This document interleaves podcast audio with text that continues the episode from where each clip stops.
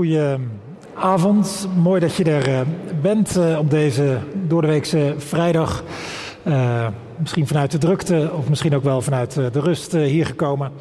En we hopen met elkaar stil te staan bij de betekenis van Goede Vrijdag.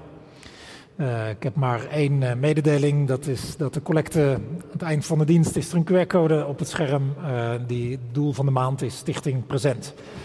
Dus uh, van harte aanbevolen als je ook iets uh, wil doorgeven aan, uh, aan anderen. er is muziek, een lange bijbellezing, een preek en ook avondmaal. Dus als je thuis meekijkt en je denkt dat zou ik toch wel graag mee willen vieren, dan is het misschien een goed idee om even iets van wijn of druivensap en een stukje brood klaar te zetten. En van harte welkom om ook van afstand mee te doen. Ehm, nu zou ik graag een moment stilte willen vragen om ons te richten op God.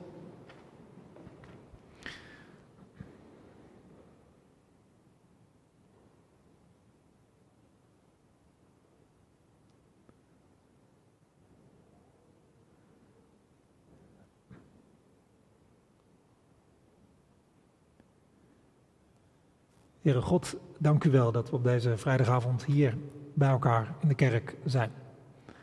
Om stil te staan bij dat grote wonder, dat grote mysterie van het kruis van Jezus.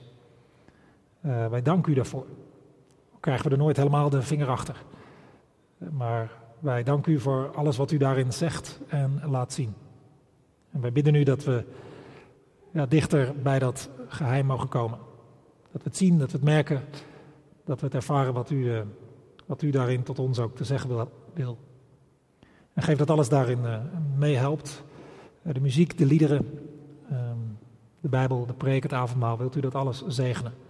En wilt u zo met uw geest ons aanspreken? En ons ook dat te binnenbrengen, datgene wat we net nodig hebben. Wilt u dat geven, niet omdat we daar recht op hebben of dat kunnen organiseren of dat verdienen maar alleen uit genade omwille van Jezus. Amen.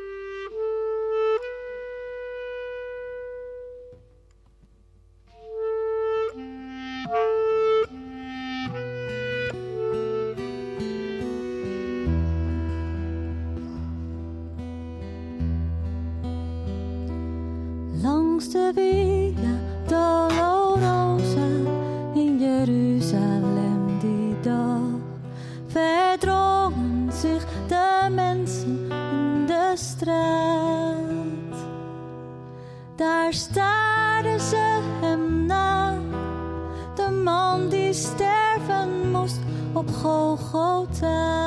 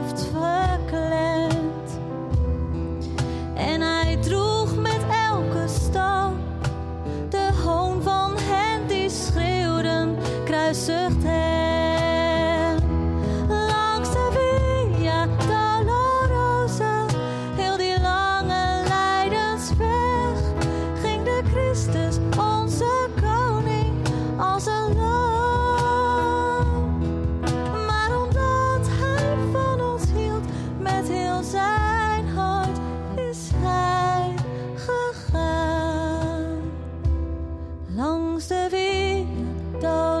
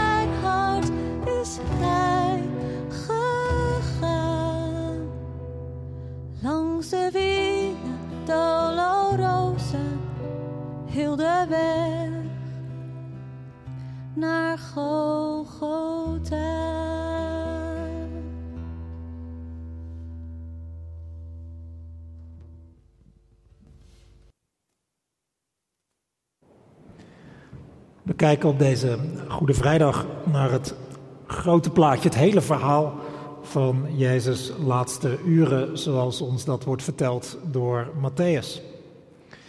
Even als inleiding, dit in het verhaal van uh, Matthäus is de belangrijkste vraag die beantwoord wordt: wie is Jezus nou? En Matthäus vertelt dan in zijn levensbeschrijving van Jezus van de dingen die speelden rondom de geboorte. Hij vertelt van zijn onderwijs, van Jezus' ontmoetingen met mensen, van wat mensen van hem denken, van zijn verhalen, van wat Jezus over zichzelf zei, over zijn wonderen. En steeds meer blijkt dat Jezus niet zomaar een inspirerend mens is of iets dergelijks, maar dat er meer aan de hand is, dat Jezus meer is. En er volgen verschillende titels: de Messias van God, de Zoon van God, God met ons. Maar die titels blijken in het licht van Jezus lijden en sterven toch echt niet te kunnen kloppen. Maar de claim van het Evangelie van Matthäus is dat ze wel degelijk kloppen. Dat juist dat lijden en sterven misschien nog wel het meest zegt wie Jezus werkelijk is. En laten we dat hele verhaal van Jezus lijden en sterven lezen en ons daarna afvragen wat dit zegt over wie Jezus is, ook voor ons vandaag. En na de Bijbellezing uh, is er wat uh, pianomuziek om, uh, om het verhaal nog eens even op je in te laten werken voordat ik weer aan het woord uh, ga. Matthäus 26 vanaf vers 57 en je kunt meelezen. Jezus is gevangen genomen en dan volgt er dit.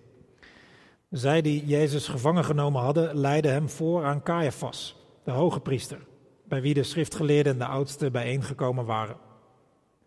Petrus volgde hem op een afstand tot op de binnenplaats van het paleis van de hoge priester. Daar ging hij tussen de knechten zitten om te zien hoe het zou aflopen. De hoge priesters en het hele Sanhedrin probeerden een valse getuigenverklaring tegen Jezus te laten afleggen op grond waarvan ze hem te dood zouden kunnen veroordelen. Maar ze vonden er geen, hoewel zich vele valse getuigen melden. Ten slotte meldden er zich twee die zeiden: Die man heeft gezegd: Ik kan de tempel van God afbreken en in drie dagen weer opbouwen. De hoge priester stond op en vroeg hem: Waarom antwoordt u niet? U hoort toch wat deze getuigen zeggen? Maar Jezus bleef zwijgen. De hoge priester zei: Ik bezweer u bij de levende God. Zeg ons of u de Messias bent, de zoon van God. Jezus antwoordde: U zegt het. Maar ik zeg tegen u allen hier: Vanaf nu zult u de mensenzoon zien zitten aan de rechterhand van de machtige en hem zien komen op de wolken van de hemel. Hierop scheurde de hoge priester zijn kleren en hij riep uit: Hij heeft God gelasterd. Waarvoor hebben we nog getuigen nodig? Nu hebt u met eigen oren gehoord hoe hij God lastert. Wat denkt u?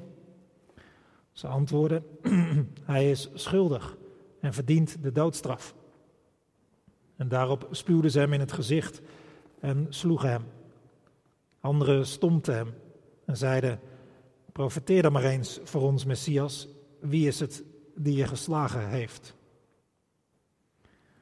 Vervolgens verlogend Petrus Jezus. En dan pakken we de draad op in hoofdstuk 27 vanaf vers 11. Toen Jezus voor de prefect stond, Pilatus, stelde deze hem de vraag: Bent u de koning van de Joden? Jezus zei: U zegt het. Maar op de beschuldigingen die de hoge priesters en oudsten tegen hem inbrachten, antwoordde hij niet één keer. Daarop zei Pilatus tegen hem: Hoort u niet wat deze getuigen allemaal tegen u inbrengen? Hij gaf op geen enkele beschuldiging enig weerwoord, wat de prefect zeer verwonderde.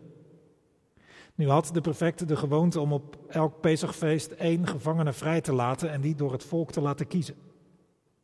Er zat toen een beruchte gevangene vast, die Jezus Barabbas genoemd werd.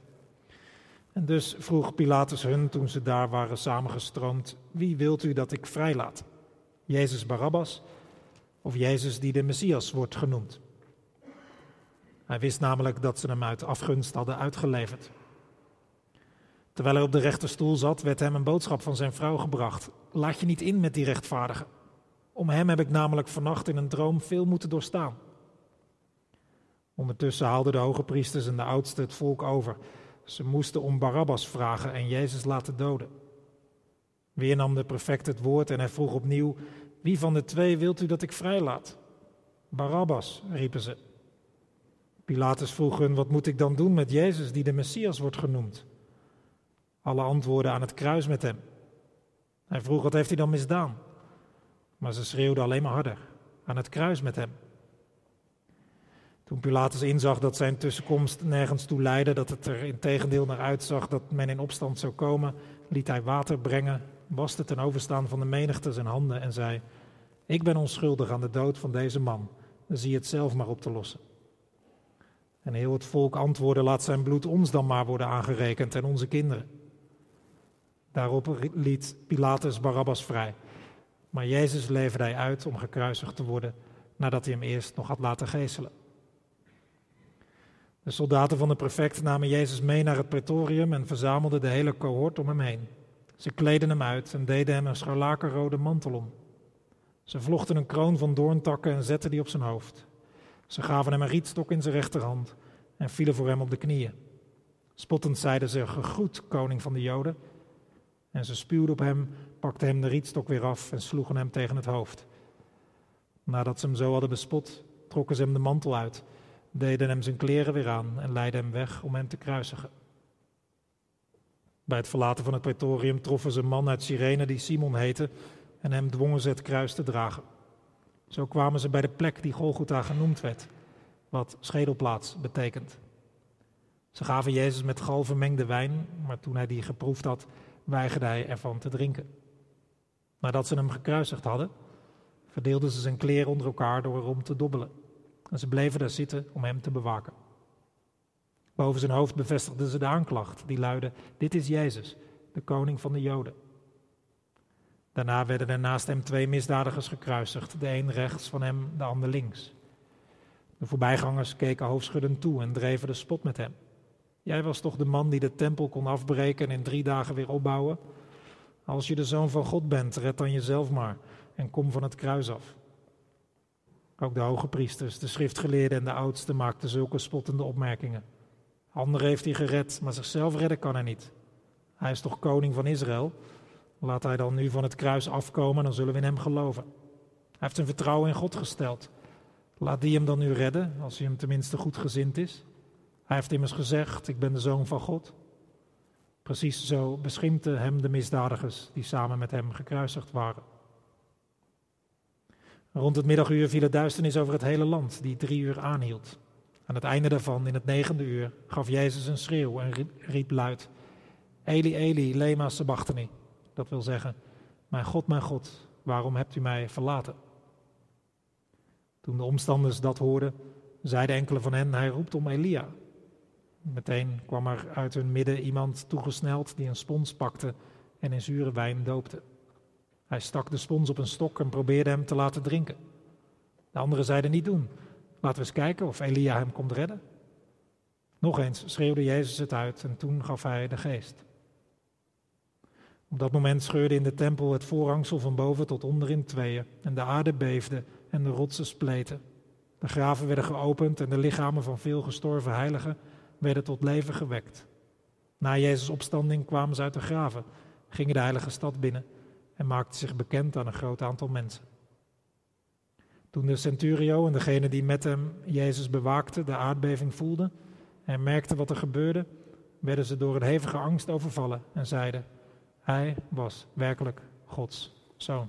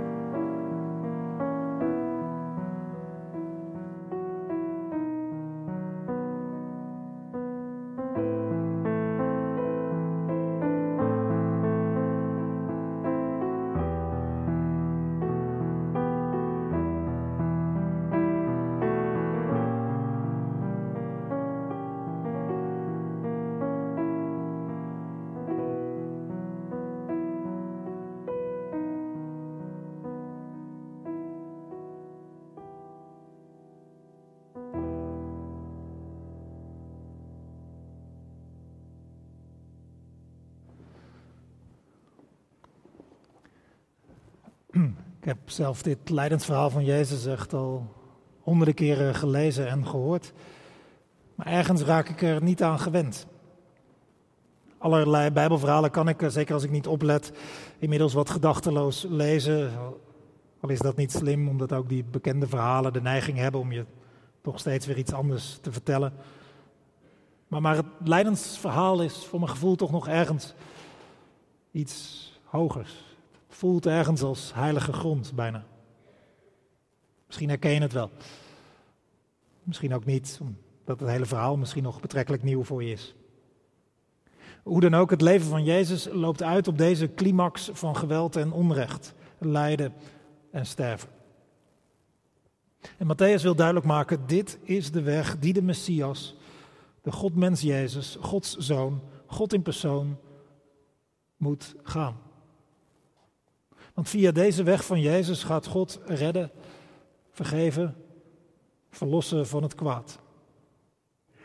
En die claim, dit idee dat in Jezus God zelf kwam redden en verlossen, dat, dat is niet iets wat na verloop van tijd gegroeid is bij zijn volgelingen, tientallen of honderden jaren daarna. En dat kun je nog wel eens beluisteren? Dat, dat mensen zeggen dat Jezus eigenlijk een gewoon mens was, maar dat in de jaren daarna, na zijn dood, hij is opgehemeld en legendarische of mythische vormen heeft gekregen. Nou, daar valt heel veel tegen in te brengen, maar onder andere ook dit. Dat de tegenstanders van Jezus door hadden dat Jezus zelf al claimde dat hij veel meer was dan een mens. Je hoort bijvoorbeeld de spot in vers 43 van hoofdstuk 27. Laat hem van het kruis afkomen. Hij heeft toch immers gezegd: Ik ben de zoon van God? En ze maakten nog veel meer spottende opmerkingen over zijn claim dat hij de Messias was of de koning. En Jezus zelf had het ook al bevestigd toen hem op de man was, af was gevraagd door de hoge priester: Zeg nu of u dus Messias bent, de zoon van God of niet. Jezus had het bevestigd. En dat konden ze niet hebben, die Joodse leiders. En daarom wilden ze hem uit de weg ruimen. Als Jezus alleen maar een rondtrekkende leraar was geweest met wat mooie verhalen en zo, dan, dan hadden ze nooit tot deze extreme maatregelen overgegaan. Vanwege zijn eigen claims over Messias zijn, over de van God gezondenen zijn, over Gods zoon zijn, over koningschap. Dat vonden ze en godslastelijk en gevaarlijk. Ook voor hun eigen positie. En ze krijgen de Romeinse machthebbers met zich mee, want die lijkt het ook maar een bedreigend idee natuurlijk. Iemand met zulke claims. Alleen al de titel, zoon van God, eh, die gebruikte de keizer ook voor zichzelf. En de keizer hield er niet zo van als mensen ook die titel voor zichzelf claimden. En gezamenlijk werken de Joodse religieuze leiders met de Romeinse autoriteiten aan een manier om Jezus uit de weg te ruimen. En het lukt. Zoals zo vaak machtige mannen onschuldigen uit de weg ruimen, die op een, een of andere manier een bedreiging zijn voor hun positie. En dus de weg van lijden en sterven voor Jezus. En het lijkt er dan op dat die claim van Messias zijn, koning zijn, eh, God met ons zijn, Gods zoon zijn, alsof dat allemaal toch verkeerd gedacht was. Dat het toch niet klopte, want hoe kon het anders dan zo aflopen met hem? En voor verreweg de meeste omstanders was die kruisiging het bewijs dat Jezus zelf en zijn volgelingen het mis hadden. Met hun claims over wie Jezus was. Maar als Jezus dan sterft, er gebeuren een paar wonderlijke dingen. De aarde beefde als teken ook van het wereldschokkende dat hier gebeurt. En die mensen die uit de graven komen als teken van, van het leven en het herstel dat de dood van Jezus gaf.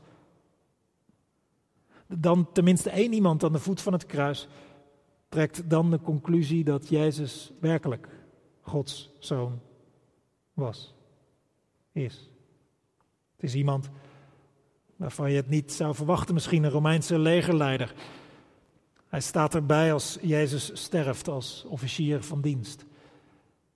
En hij zegt het dus. Dit was werkelijk Gods zoon. En zo aan het eind van dat hele verhaal van Jezus dood verwoordt deze legerleider die conclusie die, die ook al voorafgaand aan het lijden en sterven van Jezus was getrokken. En na Jezus' opstanding zal die conclusie nog veel vaker getrokken worden. Hij was degene in wie God gekomen was naar deze wereld. En miljoenen en miljoenen mensen zouden later tot dezezelfde conclusie komen.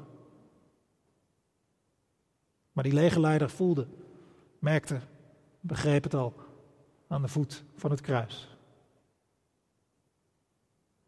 Nogmaals, dat leek toen al buitengewoon vreemd en nogal onwaarschijnlijk. Net zoals dat voor ons vandaag de dag nog steeds klinkt.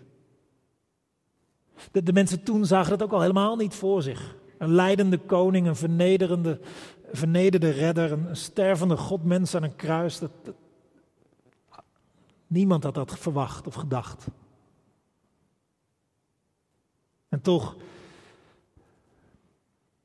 nadien, christenen hebben de eeuwen door zich vastgehouden aan wat die legerleider toen al concludeerde. Jezus was, ook al ging die lijden ten onder, ook al stierf hij aan een kruis, hij was toch echt Gods zoon. En ik hoop eigenlijk maar dat je dat vreemd vindt. Bizar misschien zelfs, absurd of gek. Maar dat is het ook. Het is echt iets heel ongekends, ongehoords.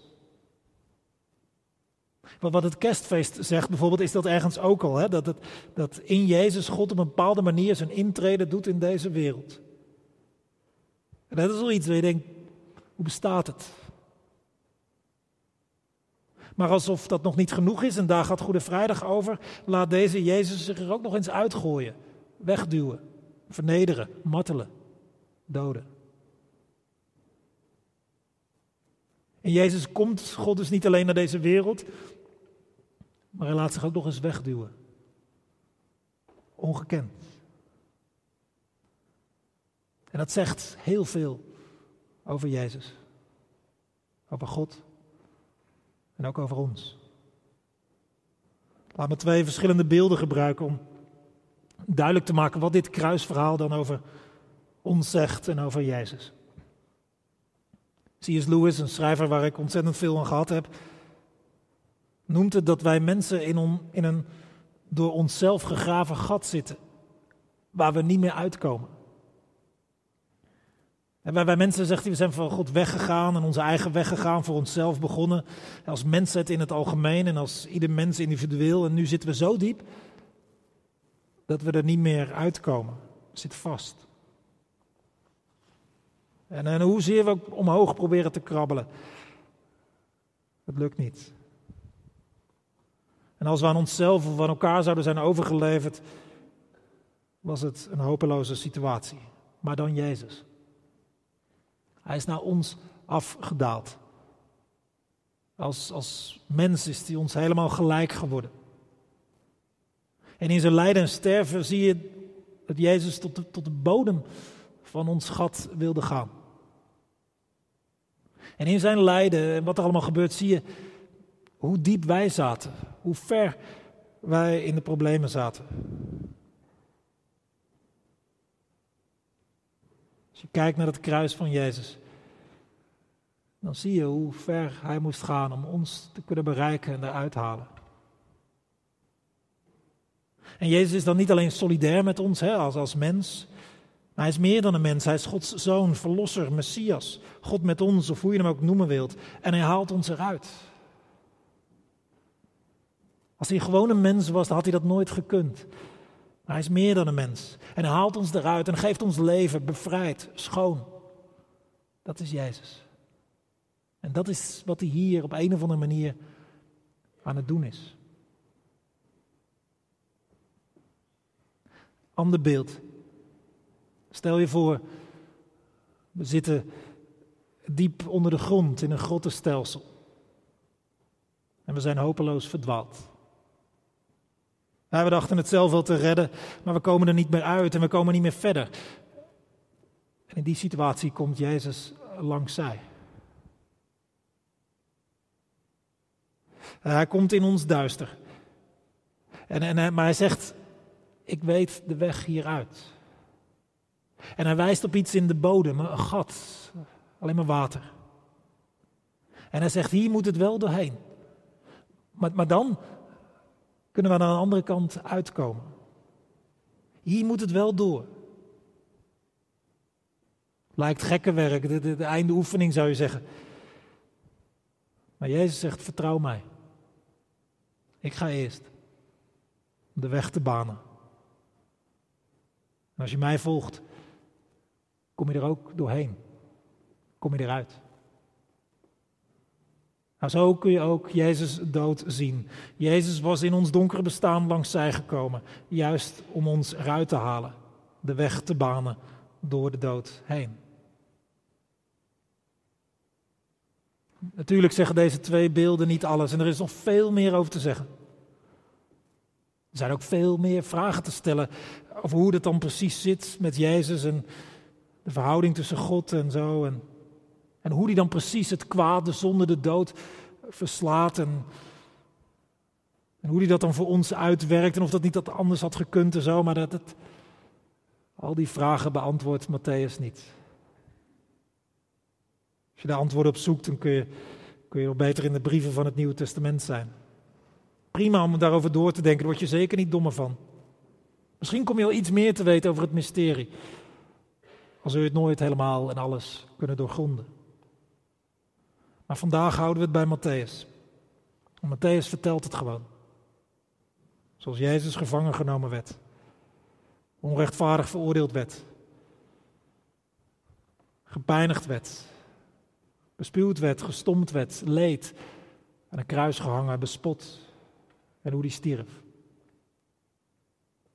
En ik denk dat het goed is dat we gewoon maar naar dat verhaal kijken. Naar die leidende en stervende Jezus blijven kijken. Net als die legerleider aan de voet van het kruis staat en dat we dan hopelijk opmerken wat er gebeurt. En ik denk als je kijkt, als je erbij staat en erbij blijft, dan, dan, hoor je Jezus misschien wel zeggen, dit ben ik. Hier aan het kruis laat ik mij kennen. Zo'n Messias ben ik. ik. Ik ben echt Gods zoon. En hier aan het kruis laat ik God kennen. Juist als je naar mij kijkt, als ik lijd en sterf, dan kun je het meest scherp zien wie God is. Ik hoop dat je dat hoort. Niet alleen maar zomaar in het algemeen, maar ook voor jezelf. Dat het ook iets is wat met jou te maken heeft, dat het ook gebeurt voor jou. En dat je voelt, merkt, zoals die legerleider, hier, wat daar gebeurt aan het kruis, er is meer aan de hand. Dat, dit is van een andere orde. Jezus is van een andere orde. En dat je misschien tot je verbazing moet concluderen dat je lang niet alles begrijpt, maar dat je ontdekt dat je het van deze Jezus moet hebben. Daarvoor is ook het avondmaal aan ons gegeven. Om ons te binnen te brengen wat Jezus via zijn lijden en sterven voor ons heeft gedaan. En als we dit avondmaal vieren vanavond, dan volgen we hiermee Jezus, die in de nacht voor zijn lijden en sterven tegen zijn volgelingen had gezegd, toen hij het brood uitdeelde, dit is mijn lichaam dat voor jullie gegeven wordt. Doe dit telkens opnieuw om mij te gedenken. En hij sprak toen hij de wijn ronddeelde. Deze beker die voor jullie wordt uitgegoten, is het nieuwe verbond dat door mijn bloed gesloten wordt. Vanavond willen we ook avondmaal vieren. Om terug te denken wat Jezus heeft gedaan. Ook voor ons. Je bent welkom om aan dit avondmaal mee te doen. Als je gelooft in Jezus Christus en Hem wilt volgen. Welke achtergrond je verder ook hebt. Straks worden de wijn en het brood tegelijkertijd rondgedeeld. Wat betreft de wijn, de middelste cupjes, eh, als het goed is, zijn zonder alcohol voor wie dat beter is. Er zal muziek zijn en als je brood en wijn hebt, dan zullen we allemaal opstaan. En dan zal ik nog een paar woorden zeggen voordat we brood en wijn tot ons nemen.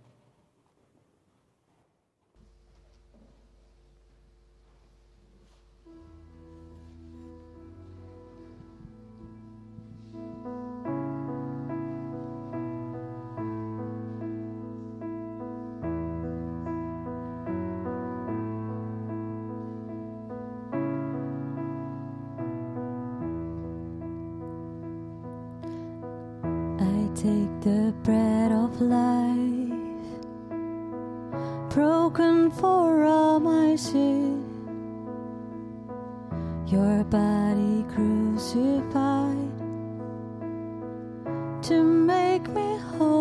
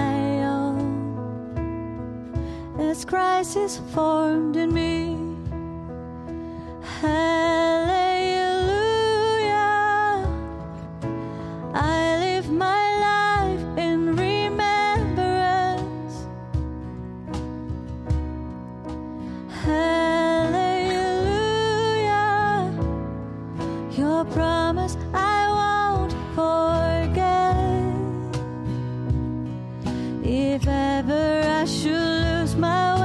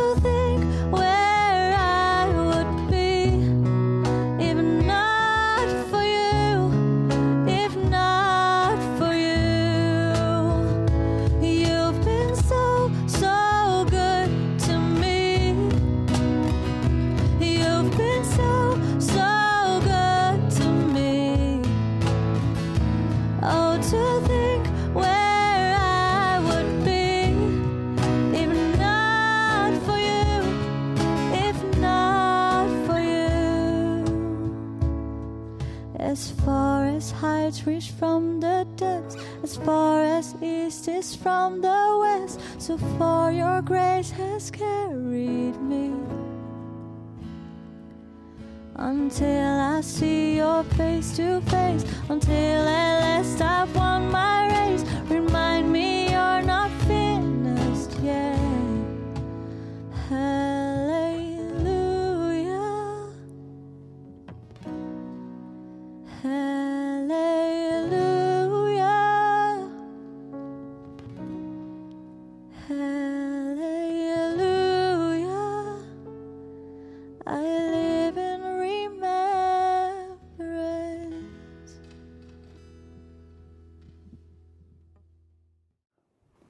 Vragen om te gaan staan?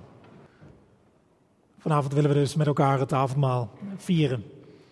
Om terug te denken aan wat Jezus Christus gedaan heeft, ook voor ons. En het brood dat we breken is de verbondenheid met het lichaam van Christus. Neem, eet, gedenk en geloof dat het lichaam van onze Heer Jezus Christus gegeven is tot een volkomen verzoening van al onze zonden.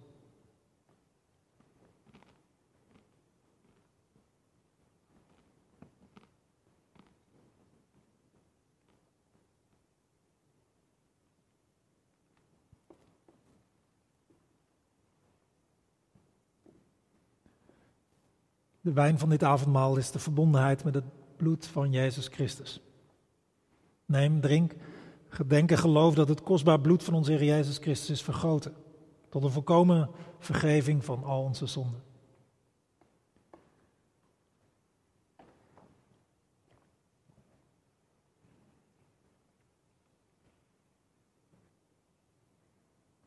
Mag je zitten.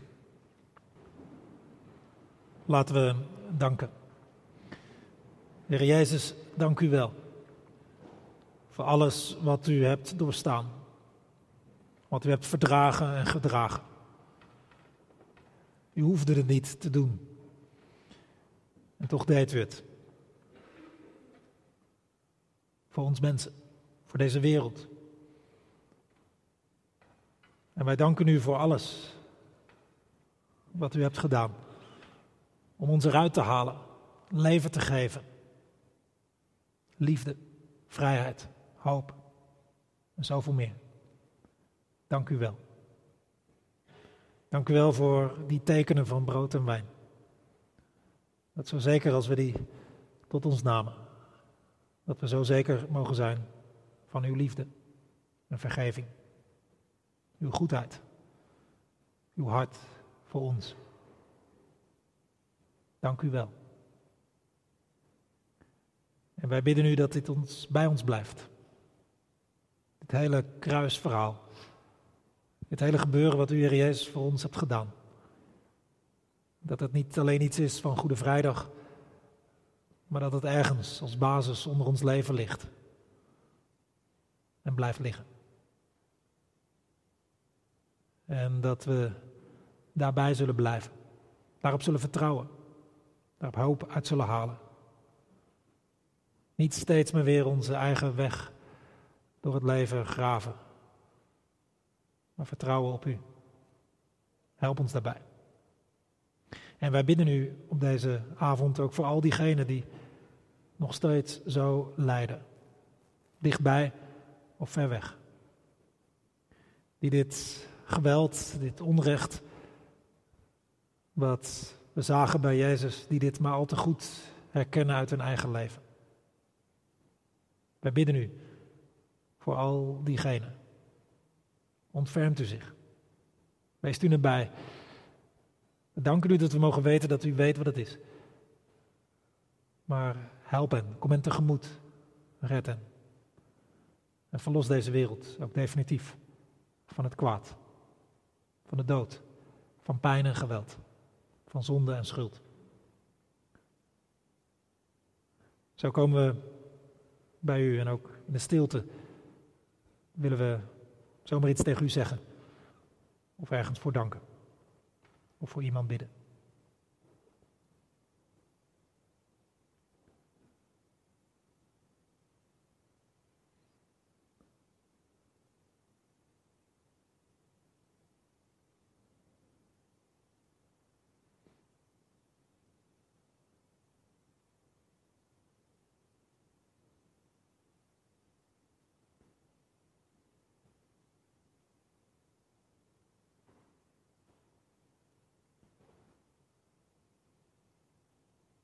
Hoor zo ons bidden en danken uit genade. Amen.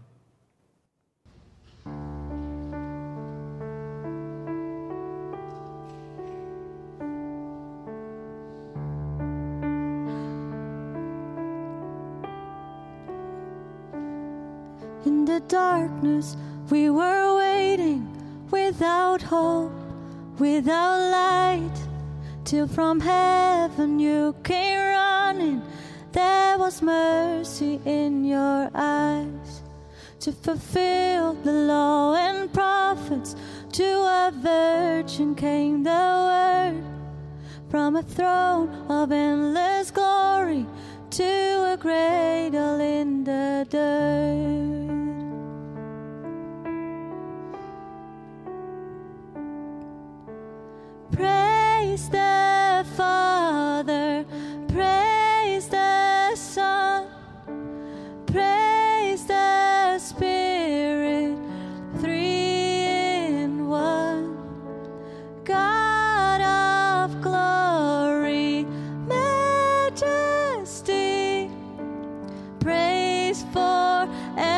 To the King of Kings.